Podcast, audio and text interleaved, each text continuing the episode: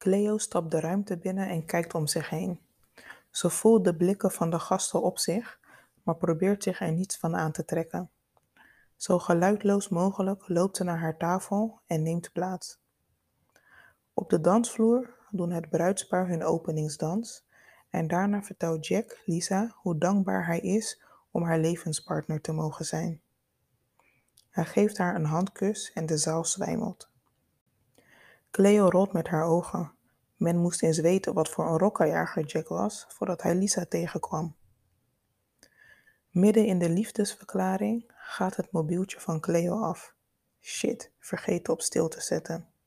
Beschaamd grijpt ze naar haar tas en drukt het gesprek weg. Met een wuivend gebaar maakt ze excuses. Als Jack zijn liefdesverklaring vervolgt, gaat het mobieltje van Cleo weer af. Zonder op te kijken staat ze op en loopt naar de hal. Ze durft geen oogcontact te maken, bang voor de blikken die ze toegeworpen zal krijgen. Vlak naast de deuropening staat een van de bruidsjonkers, Sander, een goede vriend van Jack waar Cleo een tijdje mee heeft gedate. Op dat moment pasten ze niet goed bij elkaar, maar op seksueel vlak kwam ze niets tekort. Sander is een van de beste minnaars waarmee Cleo is geweest. Hij lacht bemoedigend naar haar en geeft haar een knipoog. Wat? blaft Cleo door de telefoon als ze opneemt, zonder op het display te kijken. Zo, heftige dag vandaag? Het is haar baas en ze heeft een vraag over het artikel dat Cleo onlangs heeft ingeleverd. Het spijt me, ik wist niet dat jij het was. Zodra ik maandag op kantoor ben, maak ik het in orde, zegt Cleo. Dat is goed, zegt haar baas. Fijne avond en succes met wat je aan het doen bent. Cleo beëindigt het gesprek en kan zichzelf al voor haar kop slaan. Ze neemt plaats op de trap in de hal en zet haar mobiel op stil. Als ze opkijkt, komt Sander haar kant op gelopen. Je ziet eruit alsof je iets sterks kunt gebruiken, zegt hij. Ja, dat kun je wel zeggen, zegt Cleo met een diepe zucht. Dat dacht ik al. Ik haal even wat te drinken voor je. Ik ben zo terug.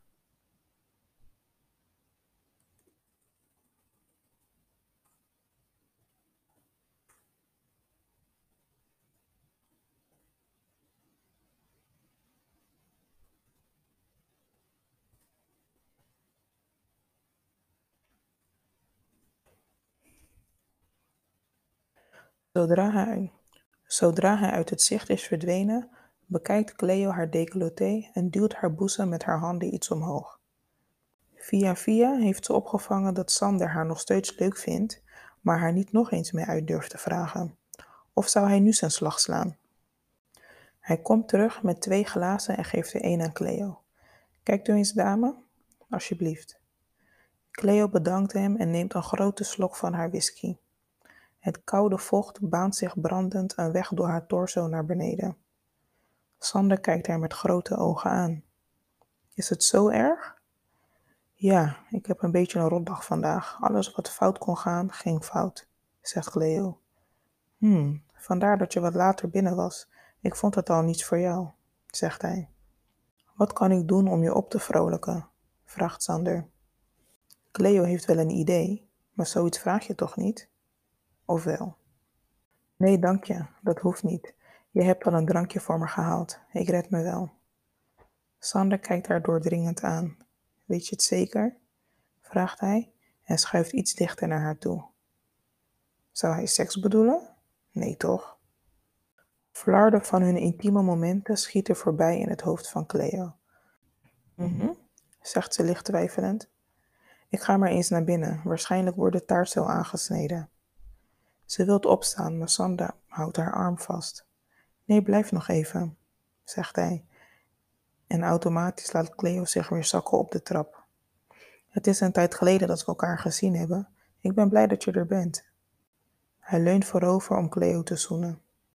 Even aarzelt ze, maar zodra hun tongen elkaar vinden en de chemie tussen hen voelbaar is, staat ze het toe. Cleo staat achterin tegen de muur geleund, verscholen tussen de jassen. De lippen van Sander en haar vinden elkaar weer en Cleo bijt hem zachtjes.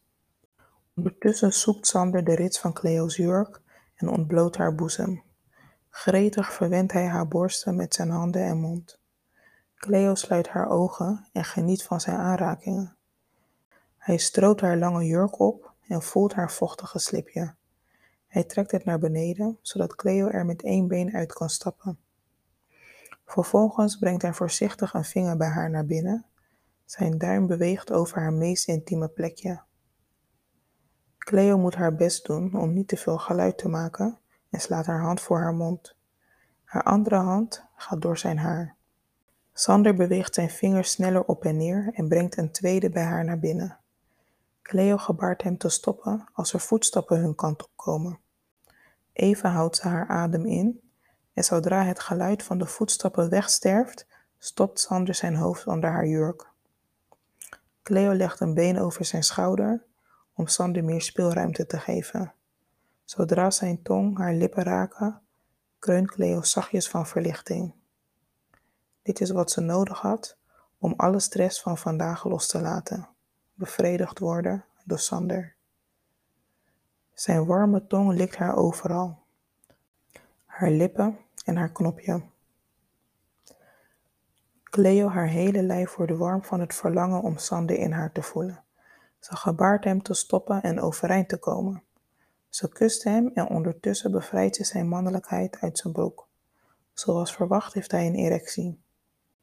Cleo kan niet wachten gevuld te worden door hem, alsof haar lijf zijn naam schreeuwt. Ze begeleidt zijn geslacht naar het haren en Sander betreedt haar.